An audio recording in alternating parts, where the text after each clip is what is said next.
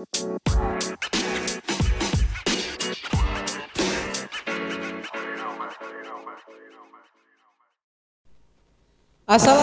warahmatullahi wabarakatuh. Salam pramuka.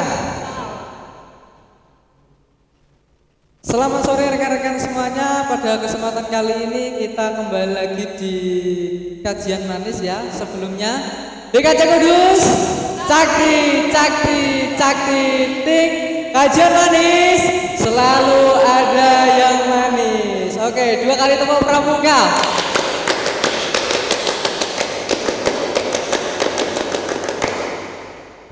Oke, kali ini kita kedatangan tamu di podcast Kajian Manis. Ini awal banget ya. Kali ini ada yang pertama ada Kak Gebi. Boleh dong salam-salam buat teman-teman Kak Gebi. Halo semuanya, Oke, dari Pangkalan SMA 1 Mbak. Ayo teman-teman yang ada di SMA 1 Mbak, temanmu ada di podcast DKC Kudus ya Kak Gebi. Lanjut ada Kak Haris. Boleh kenalan Kak? Saya dari Pangkalan SMK. SMK Negeri 2 Kudus. Ayo ini yang Pangkalan SMK 2 Kudus merapat di podcast DKC Kudus ya. Selanjutnya yang paling cantik sendiri, eh sendiri. Ada dua, ada Kak Gibi, ada Kak ini ya. Kita panggil Kak Anida, boleh kenalan Kak? Assalamualaikum warahmatullahi wabarakatuh. Perkenalkan nama saya Anji Juna Alaya, biasa dipanggil Anida. Saya dari Pangkalan IAIN. IAIN Kudus. Ini berarti dari Pandiga, ini dari Penegak ya. Ini kalau boleh tahu pradana pradana? Bukan. kalau di Dewan Ambalan apa? Haris. Pradana. Oh, Pradana SMK 2 ini Pradana menemu ya. Terus yang Gibi. Seksi kegiatan. Kalau sebagai ketua Dua Racana Robial Dawiyah. Oh, yang berarti yang putri ya, yang cewek. Oke, teman-teman semuanya pada kesempatan kali ini ya untuk tema podcast kali ini kita kedatangan tamu-tamu ada dari Bayu 2, ada dari Dawe 1 ya. Untuk temanya podcast pada kesempatan kali ini ada public speaking dan human relation.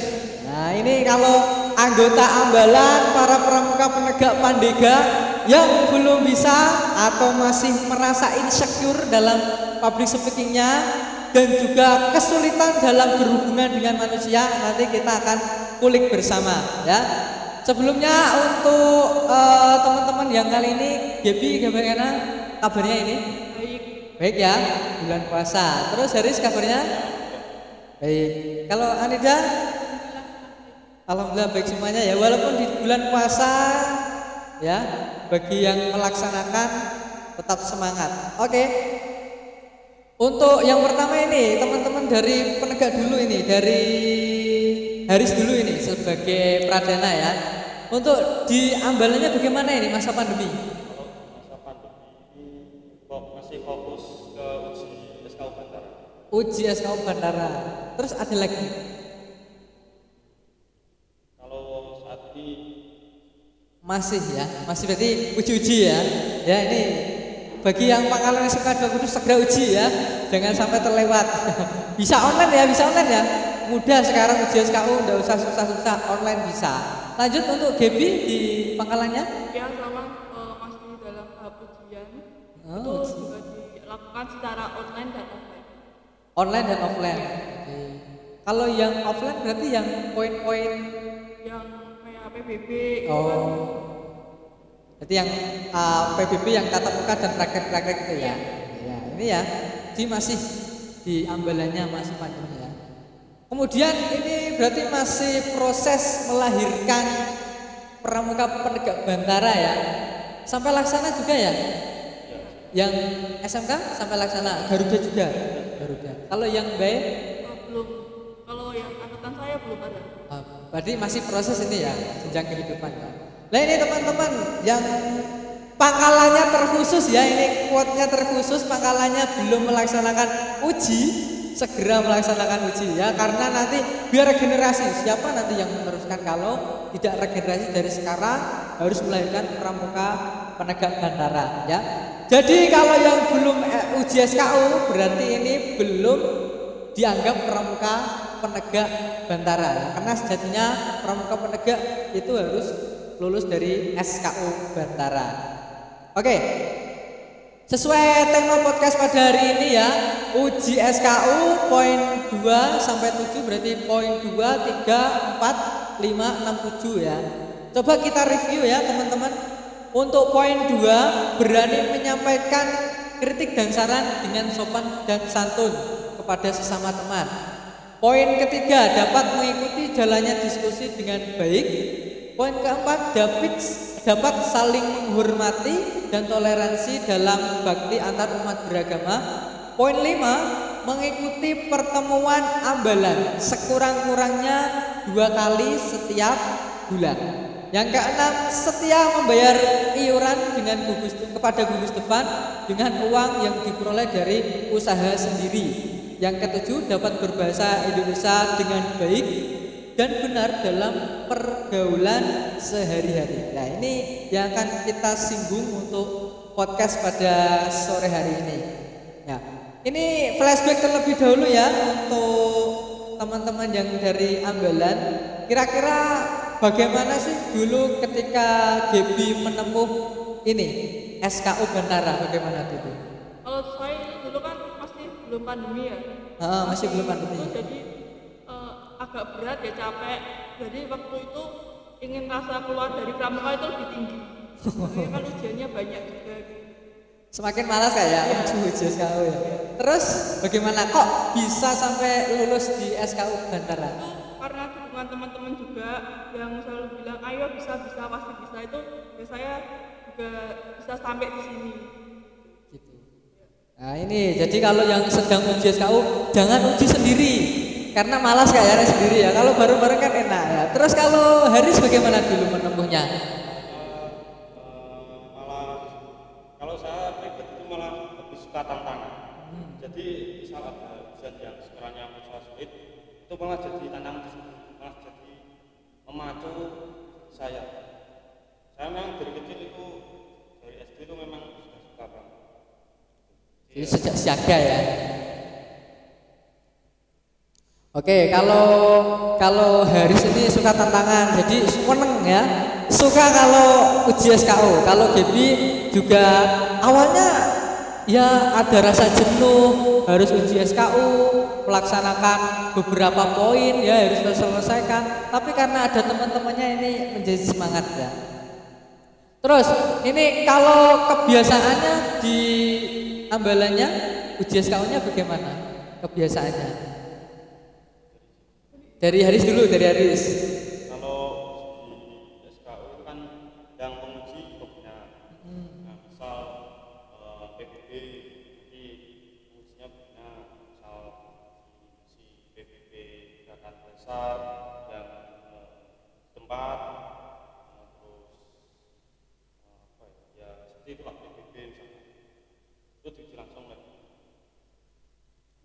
Langsung diuji ya. Wah, menarik ini.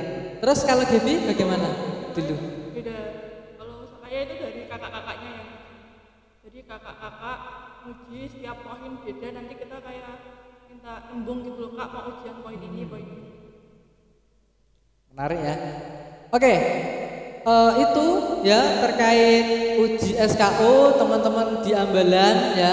Jadi kalau mungkin di Ambalannya ini masih bagaimana caranya uji SKU ini ada contoh dua sampel yang melaksanakan eh, uji SKU Bantara ya.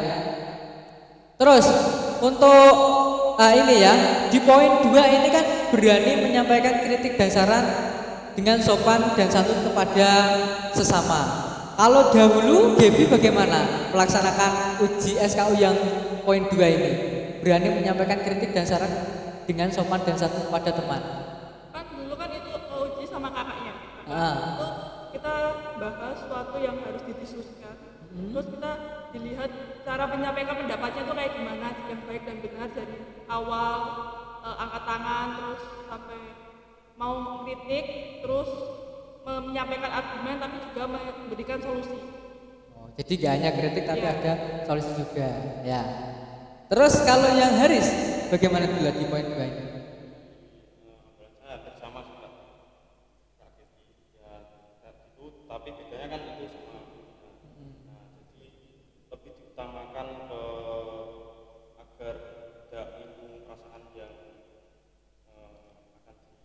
kritik ya kritik dan diberikan saran oh contoh dua ya.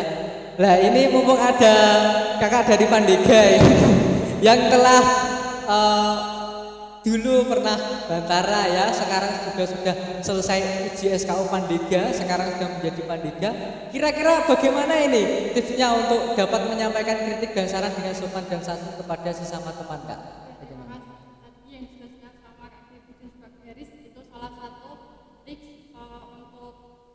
saran dan secara baik. Dan di sini ketika kita mencari, eh, mengucapkan kritik atau saran itu harus diperhatikan. Semisal dari teman kita baperan, ya berarti kita harus bisa menjaga omongan kita. Bagaimana caranya kita harus enggak orang itu baperan gitu dan juga dengan adanya lihat kondisi lah. Semisal ada apa eh, sebuah rapat. Nah di situ ada yang memberi saran atau masukan oh gini gini gini. Nah kita harus menerimanya dengan dengan baik dan semisal nanti ada yang mau dimasukkan lagi, nah silakan dengan kata-kata yang baik, dengan kata-kata yang sopan. Nah itu tips untuk kita mengungkapkan kritik dan saran sebagai sebagai Ya, tuh jadi sudah ditambahkan. Pada intinya jangan baperan ya, betul ya. Karena kan biasanya kalau di ambalan itu dikasih kritik sedikit langsung wah nanti terus habis itu balas dendam seperti itu ya. Ya ini jadi harus dikurangi ya. Nah ini harapannya di poin ini ya eh, berani menyampaikan kritik dan saran dengan sopan dan santun kepada sesama teman. Terus di poin tiga dapat itu jalannya diskusi dengan baik. Nah, ini jadi kata kuncinya tidak boleh berperan. Ya. Terus ini juga kan eh, poin dua ini menyinggung poin tiga ya terkait diskusi dengan mengikuti jalannya diskusi dengan baik. Nah, dengan bekal public speaking dan human relations yang baik ya dapat mendukung poin ini seperti yang dijelaskan oleh tadi ya Anida. Jadi eh, di poin dua sudah bisa menyampaikan kritik dan baik, sopan dan santun kepada sama teman. Nah, ini juga menyinggung diskusi. Kalau diskusi yang baik itu juga tidak menyinggung ya, kritikannya seperti itu. Nah, kemudian ini ya, eh, kalau terkait human relation ya, ini bagaimana kira-kira kalau terkait human relation? Kalau kita sedang diskusi nih, sedang diskusi, kemudian kita ngasih kritik dan saran. Kira-kira kalau pengalaman teman-teman ini bagaimana? Kalau dari Haris dulu,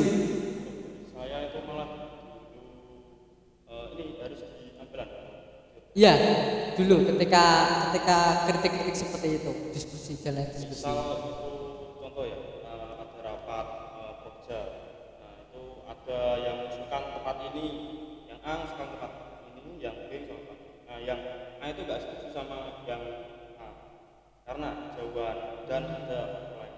Dan akhirnya beberapa teman itu mutusin ambil jalan tengah. Eh, coba cari tempat yang sekiranya yang A sama B nggak eh, keberatan Tetap ada ya, apalagi ini pramuka penegak dan pramuka pandega ya, usianya usia remaja, proses menuju dewasa, pasti saling ya, ada gotok-gotokan seperti itu ya. Kalau Kak Devi bagaimana pengalamannya ketika ada diskusi, ada perbedaan pendapat di ambalannya? Kalau dalam eh, ambalan saya itu kan misal ada di rapat proker juga, itu mesti ada misal masalah konsumsi. Itu masalah makanan kan paling ribet antara pembina, kakak sama kitanya. Nah, kita pasti bingung mau kayak gimana. Jadi itu kita nyari plus minusnya, mau makanan ini apa, minusnya apa, terus makanan ini plusnya apa, minusnya apa. Terus nanti kita bilang ke kakak-kakak sama bilang ke pembina. Seperti itu. Ya. Pernah nggak ketika apa namanya diskusi atau rapat seperti itu ada yang mungkin nesu ya biasanya jawabnya nesu, nesu habis itu marah, habis itu ah, tidak mensukseskan kegiatan itu bagaimana pernah enggak? Kalau menurut saya itu udah jadi hal biasa dalam organisasi gitu loh. Hmm. Jadi ada rasa suka sama enggak eh ya ada tapi harus menerima gitu. Kan itu buat jalan terbaiknya. Nah, Maksudnya pernah enggak seperti itu? Ya, pernah. Pernah ya. Kalau mungkin kalau ambalan pernah sampai bertengkar atau bagaimana? Atau mungkin nang-nangan bahasa Jawanya? Pernah. Kebetulan belum pernah. Oh belum pernah ya belum pernah. Kalau di Haris di Haris Ada. tapi nggak sampai Oh, nggak sampai berantem cuma ah pendapatku nggak nggak seperti itu ya pokoknya anu kayak nesu seperti itu ya lah ini ya kalau dari sudut pandang Pandega ini bagaimana adanya ini ya teman-teman pramuka penegak yang Bantara biasanya kalau di diskusi atau rapat sering terjadi perbedaan sampai akhirnya baper marah-marah mungkin dari kakak Pandega ada tips atau masukannya untuk teman-teman yang penegak Eh, organisasi kalau nggak ada itu eh, kurang apa ya kurang greget gitu lah ya. kurang greget ya Jadi ya benar dikatakan sama Kak Devi tadi itu adalah salah satu eh, bagaimana kita harus berorganisasi. Maksudnya berorganisasi kita juga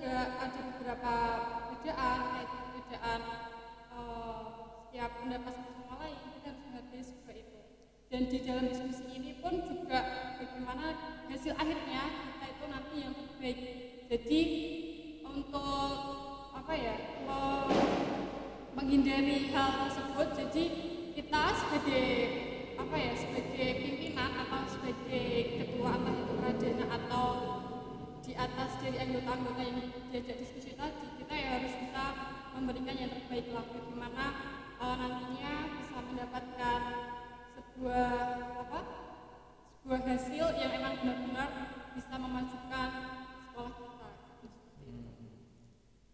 pada kata kuncinya harus ambil tengah-tengah ini. Apalagi kalau yang jadi dewan ambalan ya. Jangan sampai nanti dewan ambalannya sendiri yang malah seperti itu ya. Jadi itu diambil jalan tengah, kemudian dijaga agar humannya baik ya, hubungannya baik. Kemudian ini catat ya, catat bagi yang baperan ya, yang ketika usul nggak pernah di apa namanya? Nggak pernah diperhatikan. Mungkin perlu koreksi usulanmu itu sudah sesuai atau belum ya? Mungkin seperti itu ya biar diambil tengah-tengahnya.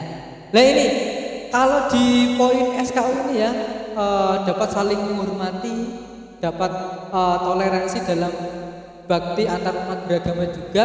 Kalau yang terkait masalah human tadi, permasalahan, perdebatan, kemudian usulannya tidak diterima, nasu dan lain sebagainya, harapannya itu nanti bisa diambil kesimpulan dari masukannya yang Kak Nida selaku pramuka Pandega itu jangan dihilangi ya, dihilangi rasa untuk baperan itu. Karena kalau dalam kehidupan sehari-hari ini kan kita di pramuka penegak Pandega kan tentunya nanti akan keluar dari sekolah dan akan terjun di masyarakat.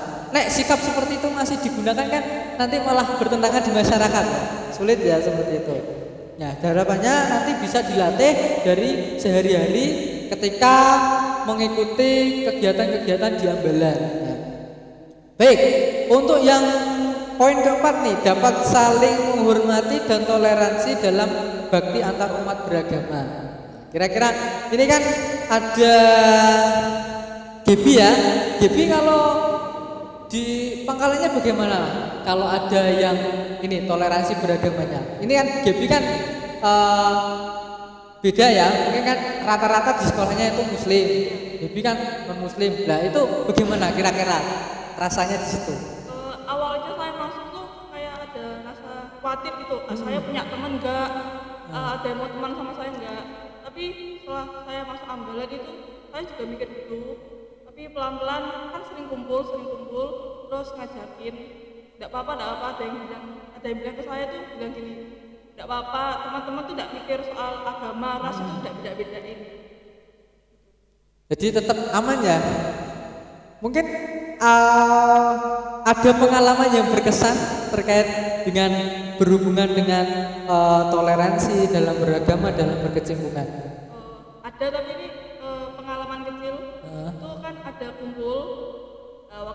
Kumpulnya itu hari minggu kan hari minggu saya kan ada ibadah Eh, ada yang usul bilang gini kalau misalnya jamnya ganti siang kalau nggak ganti lain hari gimana soalnya kan ada beberapa yang non muslim takutnya mengganggu ibadah jadi harinya diganti Oh gitu ya. Wah ini menarik sekali. Boleh kalian aplaus itu ya.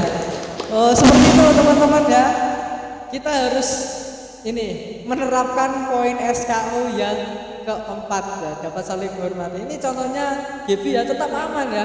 Dulunya memang awalnya agak takut bagaimana minder minder apakah nanti eh, ada temannya atau tidak. Ternyata temannya malah baik-baik ya. Sampai-sampai ini kalau rapat hari Minggu ya hari Minggu. Diundur saja biar siang ya. Kalau temannya ada yang ibadah nanti biar mengikuti ketika siang. Lah kalau ini Haris bagaimana? Apakah ada yang berbeda juga kalau di pangkalannya? Kalau di pangkalan saya sih ada. semuanya mayoritas Islam ya? Mayoritas Islam. Lah kalau ini Gaby kan tadi diceritakan berbeda walaupun berbeda. Lah kalau rasanya di pangkalannya Haris gimana itu rasa itu loh kan wes mayoritas Islam semua Ya, bagaimana toleransinya itu misal ka- kalau ada rapat ya, kalau misal sudah waktunya berbeda ya tetap harus eh, ibadah. Ada waktunya untuk organisasi, ada waktunya ibadah agama harus tetap dijalankan. Berarti untuk rasa rasanya malah semakin kuat ya. Jadi ini bisa dijadikan sampel ya. Ini implementasi dari poin 4 ya teman-teman ya. Kalau Gaby tadi sudah disampaikan ya, begitu awalnya seperti itu, tapi ternyata lewat toleransi, lewat saling menghormati ya antar umat beragama ini menjadikan lebih harmonis ya seperti itu. Oke, Nah, mungkin ini ya eh, dari sudut pandang nih kakak Pandega, kakak Pandega kita pokoknya ini sebagai kakak seorang kakak harus bisa memberikan masukannya. Ini tadi sudah ada sampel kak dari eh, pangkalan yang mayoritas semua agamanya sama, ada yang juga mayoritas yang berbeda-beda. Ini kalau dari kakak Pandega bagaimana ini untuk menanggapi itu?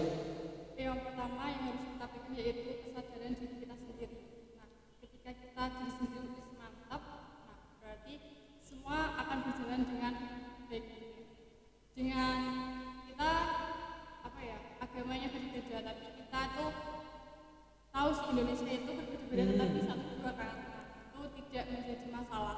Kita di sini tuh malah eh, saling melengkapi, saling sharing-sharing, terus juga adanya perbedaan agama pun juga bisa menambah wawasan kita, pengetahuan kita gitu. Yang kedua dengan adanya sosial, kita di sini juga eh, nggak bisa tanpa orang lain. Kita harus eh, apa ya bisa bermanfaat lah bagi orang lain. Ya mungkin dengan adanya hal seperti ini bisa menambah pengetahuan kita untuk saling sharing-sharing dan juga harus saling menghormati lah kita di sini di satu negara satu-satu sama kan jadi ya nggak ada sebuah permasalahan yang harus diperdebatkan Oke, menarik ya.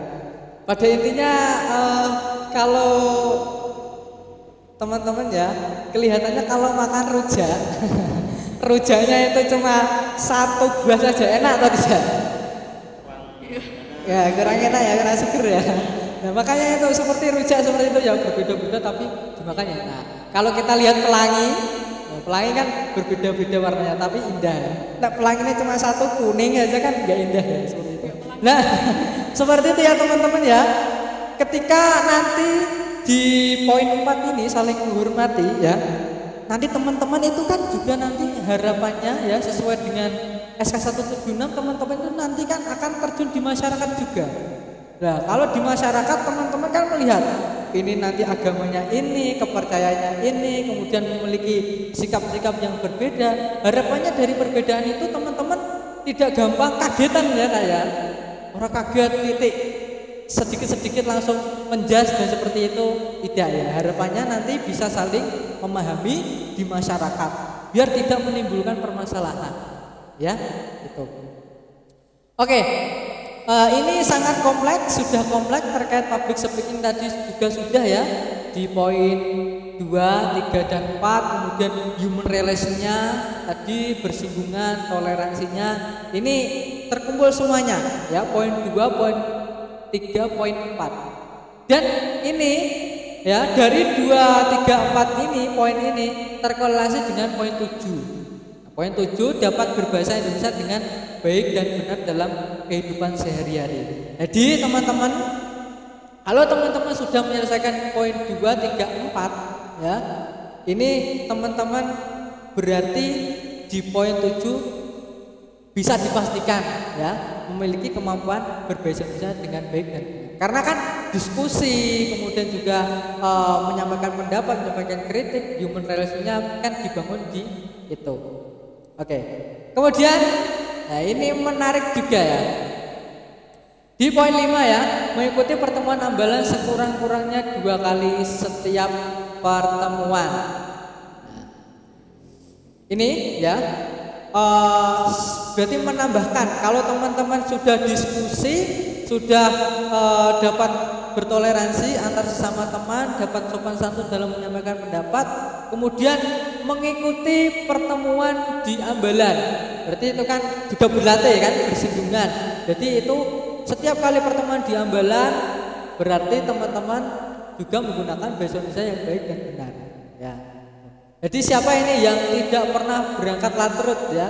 Dicatat harus berangkat ketika ada latihan rutin, baik online maupun offline. Oke. Selanjutnya uh, ini ada Nah, ini kalau di pangkalannya biasanya kalau pertemuan itu membayar iuran atau tidak? Mungkin dari anu harus dulu di pangkalannya. Membayar iuran. Kalau Gaby? Iuran. Jadi kalau berangkat pasti iuran, tapi yang tidak berangkat itu bagaimana kalau yang tidak berangkat biasanya? Kalau dari, eh, dari anggaran saya itu ada sistemnya kalau misal atrut, nah itu ada absen dan di data. Yang hari ini berangkat siapa langsung bayar. Kalau di pangkalannya Gaby bagaimana? Terus nanti ngasih uangnya itu seikhlasnya Seikhlasnya ya. Jadi itu ya teman-teman ya. Wes pokoknya sudah sudah kompleks ini ya. Eh, jadi di poin 2, 3, 4, 5, 6, 7 ini ya semuanya terkorelasi poin 2, 3, 4 ini pasti poin 7 itu pasti sudah bisa dipastikan untuk bisa berbahasa Indonesia yang baik dan benar karena ketika latihan rutin itu juga sudah di, diterapkan ya oke eh,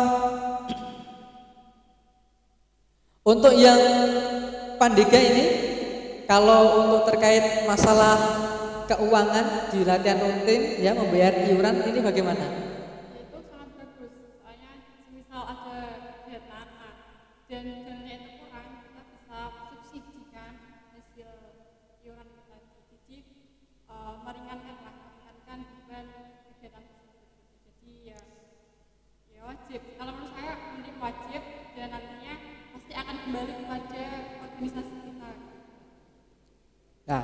Jadi yuk siapa yang belum bayar iuran segera bayar iuran ya. Yang nggak pernah berangkat latrut segera berangkat latrut. Kemudian juga selesaikan uji SKU poin 2, 4, 5, 6, 7 Karena poin itu ya mengandung tadi ya public speaking sama human relation ya. Mungkin eh, ini dari Gaby sama Haris kalau ada yang disampaikan untuk public speaking dan human relation pada teman-teman khususnya kalau teman-teman yang sering baper ataupun tidak pernah berangkat latrut mungkin disampaikan saja tidak apa-apa Haris dulu Oke, untuk eh, masalah public speaking ya. Eh, dulu itu saya waktu PPDA itu ada kayak semacam latihan. Nah, itu eh sistemnya gini. kita disuruh eh, salah satu maju, menceritakan bebas eh, pengalaman hidup. Nah, di eh, ujian itu kita disuruh semenarik mungkin. Eh, bagaimana cara penyampaian eh, cerita itu tadi supaya yang mendengarkan itu nggak cuma mendengarkan tapi juga menyimak eh, dan memahami apa yang disampaikan oleh eh, pembicara. Jadi kadang itu kan kalau semisal ada yang bicara di depan, nah, misal atrut bicara di depan, nah, yang di eh, yang junior ini kadang itu biasanya asik sendiri gitu, nggak memperhatikan jadi eh, dalam latihan itu eh, diusahakan untuk bisa menarik perhatian dengan yang di dibicarakan. Tuh ya untuk Pak. Kalau Gaby untuk pesan-pesannya pada teman-teman. Kalau dari saya itu em, gimana ya? Ah, Saya itu dulu ngomongnya nggak selancar sekarang, Ah. ah, masih gagap-gagap. Nah itu saya tuh sering latihan ngomong-ngomong sendiri depan kaca. Terus kayak perkenalan sendiri gitu loh.